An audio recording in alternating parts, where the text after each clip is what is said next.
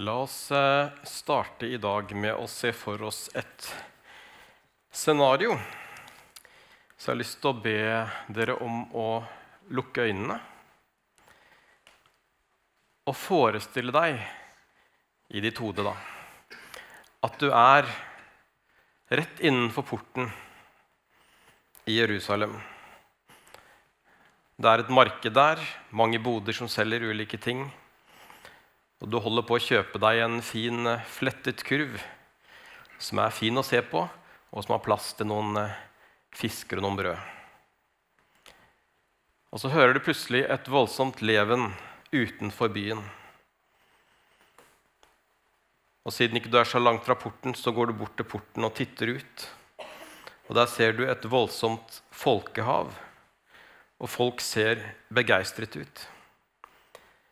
De vifter med palmegrener og hoier og roper. Og selv om du er ganske høy, sånn ca. 1,72, så ser du allikevel ikke alt. Så du klatrer opp i nærmeste tre og setter deg på en gren og speider utover. Og der, et stykke borte på veien, så ser du en mann. En helt vanlig mann, virker det som, som kommer ridende på et esel.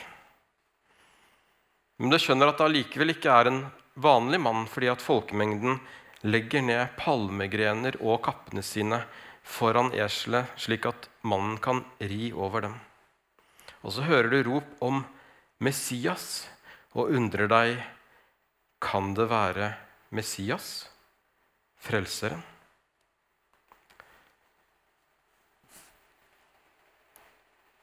Du kan eh, åpne øynene, og så skal vi lese teksten fra Matteus 21, hvor det står Da de nærmet seg Jerusalem og kom til Betfaget ved Oljeberget, sendte Jesus to disipler av sted og sa til dem.: Gå inn i landsbyen som ligger foran dere. Der skal dere straks finne et esel som er bundet og har en fole hos seg.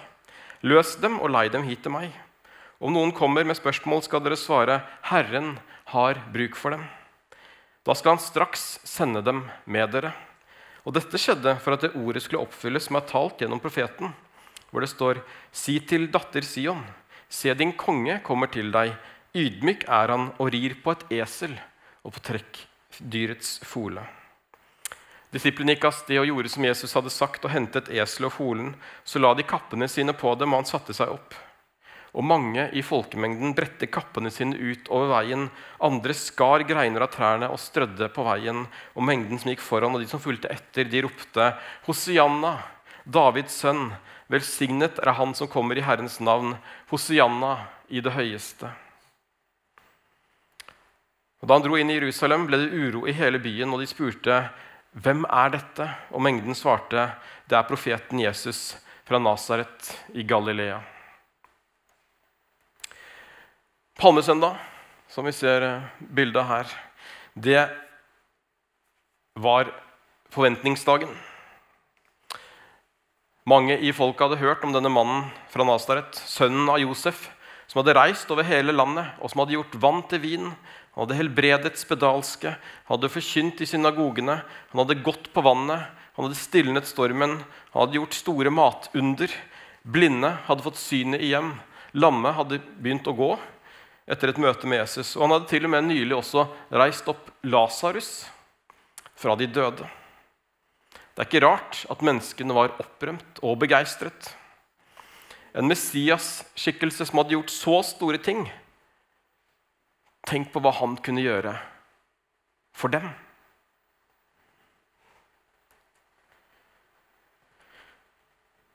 Og så kan det være lett for oss som vet hvordan påskeuken ble, å tenke at folket på palmesøndag kanskje hadde et litt feil bilde av Jesus.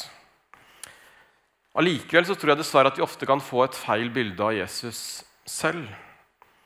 Det kan være lett å gå i den følgen hvor vi hyller Jesus og fokuserer på hva Jesus kan gjøre for oss. Det er mange av oss som gjerne kunne trengt en Messias-skikkelse på enkelte dager. En som kan fikse alt. Og Ofte kan vårt Jesusbilde bli nettopp slik at vi nesten forventer at Jesus skal fikse ditt og fikse datt for oss. At han skal på en måte helbrede oss når vi er syke. At han skal på en måte bli den julenissen som gir oss alt vi trenger, når vi trenger det. Og så kan han gjøre alt. Absolutt. Vi kan be om alt. Men vi må ikke hause opp Jesus til å være den som skal fikse alt hele tiden. For Bibelen har ikke lovet oss det. Og hvis våre forventninger blir feil, så kan vi fortere bli skuffa. Og i verste fall kan det gå på troen løs. Og så har vi denne folkemengden som eh, girer hverandre opp. Og noen ganger så kan også vi kanskje gire hverandre opp litt. Slik som når vi kommer sammen, som i dag. For nettopp derfor så ble det jo på en måte hallelujastemning utenfor porten i Jerusalem, fordi det var en hel folkemengde som sto og ropte og skrek sammen. Og de hauset hverandre opp. Og det er mye godt i flertallet og i fellesskapet. Og det hadde ikke vært helt det samme om det sto én fyr der og viftet med en palmegren. Det er heller ikke det samme om det står ti stykker på Levemyr og heier på jerv, enn når stadionet er full av mennesker som står og roper og heier sammen. Og Det er heller ikke det samme å gå på gudstjeneste og tilbe Jesus om vi hadde vært to i salen. Fordi det er mye godt i fellesskapet, og det skal vi ikke kimse av. Men det er også viktig hvordan hverdagen ser ut, hvordan uken vår ser ut, og ikke bare søndagen når vi er sammen i fellesskapet. Og Det er viktig også at Jesus ikke blir vår palmesøndag-Jesus. Han som hylles når vi kommer sammen i kirken, men som vi ikke har fokus på på samme måten i hverdagen. Fordi at livet består mest av hverdager. Og Det er litt færre søndager. Så husk å ta med Jesusfokuset også inn også nå, inn i påska, i uken som kommer. Hver dag.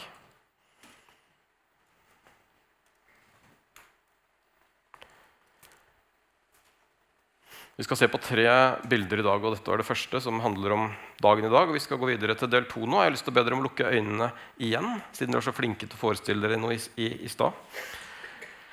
Så kan vi prøve en gang til. og Da kan du eh, forestille deg at du er på vei inn eh, fra en lang dags arbeid i åkeren. Så skjønner jeg at det kanskje er et bilde som kan være vanskelig å forestille seg for noen av dere. Men la oss prøve likevel. Du er godt sliten, svetten renner, det er varmt, og du ser fram til å komme hjem og slenge bena på bordet og strikke. Om ikke du kan strikke, så se for deg at du løser sudoku istedenfor. For det var nemlig ikke TV på den tiden. Men når du nærmer deg huset ditt, så hører du en veldig ståhei borte i gata. Du ser en stor folkemengde som står langs veien, og du hører rop og skrik, og folk høres sinte ut. Du baner deg vei gjennom folkemengden for å se hva slags oppstyr dette er. Er det en parade, tenker du. Plutselig ser du det. Det er en mann som drar på et kors. Han har en tornekrone på hodet. Det renner dråper av blod nedover kinnene. Klærne er i stykker revet, og han strever seg framover med korset, mens folkemengden rundt håner ham og spytter mot ham. Og du tenker Hva har denne mannen gjort for å fortjene dette? Du kan åpne øynene, og vi skal lese fra Markus 15, hvor det står Soldatene førte nå Jesus inn i borggården, i det som kalles pretoriet, og kalte sammen hele vaktstyrken. De kledde ham i en purpurkappe og flettet en tornekrone og satte den på hodet hans. Så begynte de å hilse ham. Vær hilset, du jødenes konge. De slo ham i hodet med en stokk. De spyttet på ham og la seg på kne og hyllet ham. Og Da de hadde hånt ham, så tok de purpurkappen av ham og kledde ham i hans egne klær. Så førte de Jesus ut for å korsfeste ham. Og de tvang en mann som gikk forbi, til å bære korset hans. Det var Simon fra Kyrene, far til Alexander og Rufus. Han var på vei inn fra markene. De førte Jesus ut til et sted som heter Golgata, Det betyr hodeskallen. De ville gi ham vin med myrra i, men han tok ikke imot den. Så korsfestet de ham og delte klærne hans mellom seg ved å kaste lodd om hvilke plagg hver skulle få. Det var ved den tredje time at de korsfestet ham, og innskriften med anklagen mot ham lød 'Jødenes konge'.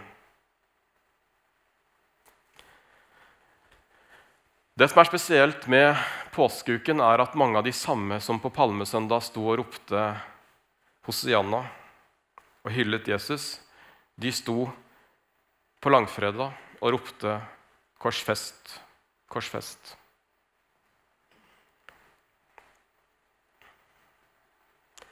Mange trodde ikke at Jesus var Messias, han de hadde ventet på. De opplevde kanskje at Jesus ikke stemte med de forventningene de hadde av ham og Derfor så vendte de han ryggen, bare i løpet av noen dager. Og Dessverre så er det mange også i dag som har vendt Jesus ryggen fordi de har opplevd at Jesus ikke var akkurat sånn som de så for seg. Og Nettopp derfor er det viktig at vi har et realistisk bilde av hvem Jesus er. Og Den beste, aller beste måten å få et riktig bilde av Jesus på, det er å lese om ham i Guds ord, Bibelen, i evangeliene. Og fortelle om Jesus og fortelle om hvem han er, til andre, på godt og vondt. For Noen ganger er det dessverre også vi mennesker som står i veien for at andre kan se hvem Jesus egentlig er. Det kan jo være at vi som hans etterfølgere rett og slett ikke gjør Jesus attraktiv å følge. Gjennom at vi selv ikke alltid klarer å følge ham. Og Hvis mennesker vet at vi følger Jesus, og vi ikke selv er verdt å følge, så kjenner jeg at det utfordrer meg. Og så er vi sikkert mange som kunne ha stått der den dagen og hånet Jesus. Og Vi er sikkert også mange her som har dager hvor vi også er skuffa over Jesus eller er sint på han, eller spør hvorfor Jesus?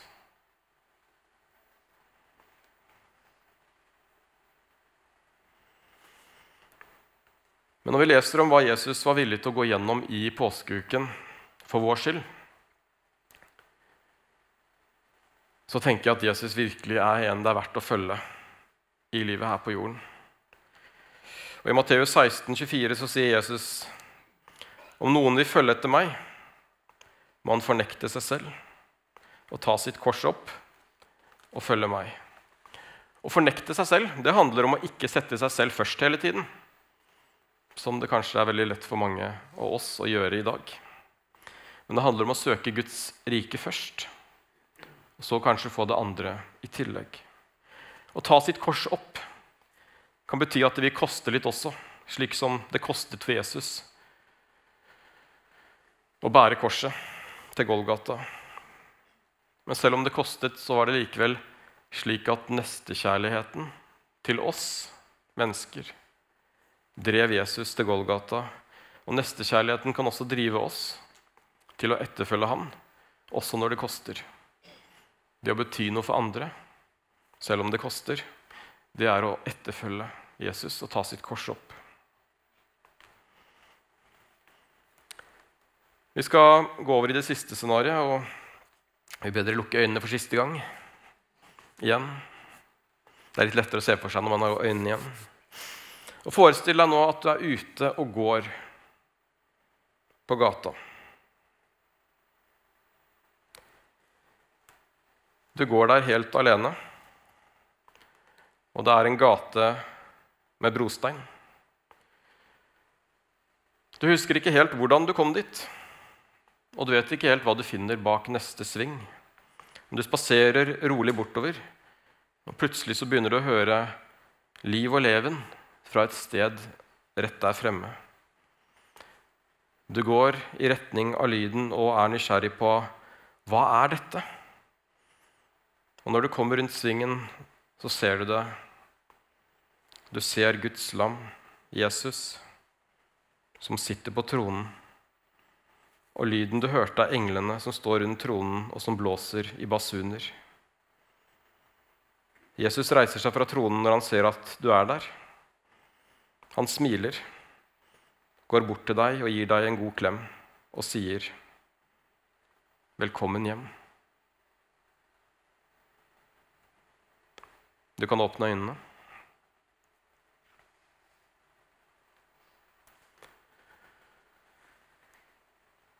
Når Jesus sto ved Det høye råd i påsken, anklaget, så spurte de ham,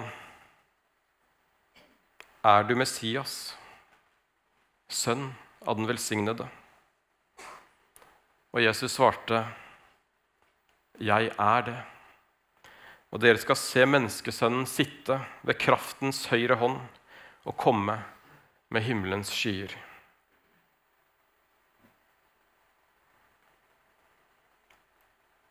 I Johannes 14 så sier Jesus, la ikke hjertet bli grepet av angst. Tro på Gud og tro på meg. I min fars hus er det mange rom. Var det ikke slik, hadde jeg da sagt dere at jeg går og vil gjøre i stand et sted til dere. Og når jeg har gått og gjort i stand et sted til dere, vil jeg komme tilbake og ta dere til meg, så dere skal være der jeg er og dit jeg går, vet dere veien. Thomas sier til ham, Herre, vi vet ikke hvor det går. Hvordan kan vi da vite veien? Og Jesus sier, Jeg er veien, sannheten og livet. Ingen kommer til Far uten ved meg. Påskebudskapet handler ikke først og fremst om hva Jesus kan gjøre for oss, slik folkemengden på palmesøndag antagelig hadde fokus på.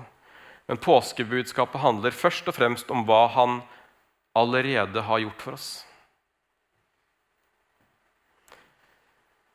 Døden på korset det ga oss tilgang til evig liv. Og det er hva påskens budskap handler om. Det er hva evangeliet handler om. Det er hva kristen tro handler om først og fremst. Først og fremst er Guds gave til oss et evig liv i himmelen med Ham. Ikke fordi vi fortjener det, men ufortjent. Og bare av Hans nåde. Fordi Gud er en god Gud. La oss bli flinkere til å takke ham for alt han har gjort for oss. Og så kan det hende at når vi søker Guds rike først, så får vi kanskje oppleve mye av det andre i tillegg. Og selv om vi blir skuffa her på jorden, eller ikke alt går som planlagt her på jorden Og Det var sånn også disiplene opplevde det når Jesus døde. Det var ikke sånn det skulle bli, tenkte de. De var skuffa. De visste ikke hva de skulle gjøre. Men så tok de feil. De så ikke hele bildet før Jesus sto opp igjen og viste seg for dem.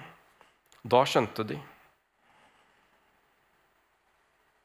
Og Sånn tror jeg det er med oss noen ganger òg. Vi kan si hvorfor. Vi kan undre oss. Og så en dag tror jeg vi vil forstå mer enn vi gjør på jorden.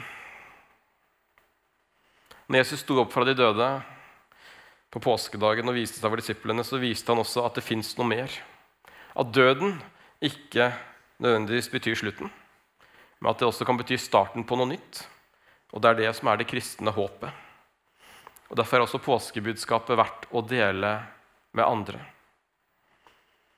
Fordi at kristen tro det handler ikke først og fremst om bud eller regler eller begrensninger, eller at livet skal bli en dans på roser. Men det handler om at det fins noe mer. Noe større enn oss. Og noe mer etter dette livet.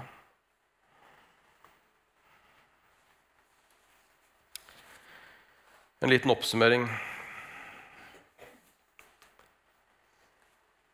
Jesu inntog i Jerusalem det ble på en måte en midlertidig hyllest av Jesus. så ble det til en klagesang når Jesus trasket opp til Golgata. Men så ble det en evig seier likevel når Jesus vant over døden. Den midlertidige hyllesten på jorden ble til en evig hyllest i himmelen. Jesus bar korset til Golgata. På Golgata så bar korset Jesus til han døde. Og nå er det korset som bærer oss, og som gir oss liv og evig liv.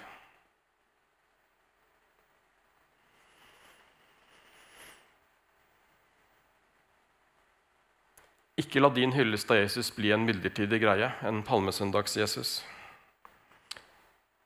Men gi han ditt liv på både gode og onde dager, holdt jeg på å si. I motgang og vansker, og når, vi, når det går godt. Legg din vei i Herrens hånd hver dag. Han skal gjøre det.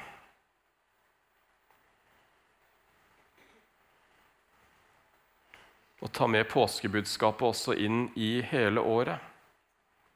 Det er det det handler om, det er det vi kan bygge på, det er det som er fundamentet. At Jesus valgte å dø for din og min skyld. Han valgte å lide for vår skyld. For å gi oss evig liv. Ikke på grunn av det vi har gjort, men på tross av det vi har gjort. Så døde han uskyldig. Og så kan vi som stadig gjør feil, få lov til å få vår synd slettet ut og få lov til en dag å møte han igjen i himmelen. Det er påskebudskapet. Ta det med inn også i påskeuken som ligger foran nå. Og ikke bare den uken, men også videre dette året og i livet. Og del de gode nyhetene med andre. La oss be sammen. Kjære far, takker deg for eh, at vi kan få lov til å feire påske igjen. Takk for det du var villig til å gjøre for oss i påska. At du var villig til å lide og dø på korset for oss. Takk for at du viste din ydmykhet når du red inn på eselet. Takk for at du var villig til å bøye deg selv ned for å løfte oss opp. Må du velsigne hver enkelt som er her nå, far. Må du hjelpe oss til å bare utvikle vår relasjon til deg, far. Hjelp oss til å bli dine etterfølgere. Hjelp oss til å vise den nestekjærligheten som du viste oss, til andre. Og hjelp oss til å fortelle andre om hva du har gjort for oss og for alle andre mennesker i verden, far. Takk at du velsigner den påska som ligger foran. Ber om at det også må bli en, en mulighet til å peke på deg og ditt budskap gjennom uken som ligger foran. Og hjelp oss til å ta med det budskapet også inn i resten av året. Takk for at du er her nå, midt iblant oss. Vi ber i Jesu navn. Amen.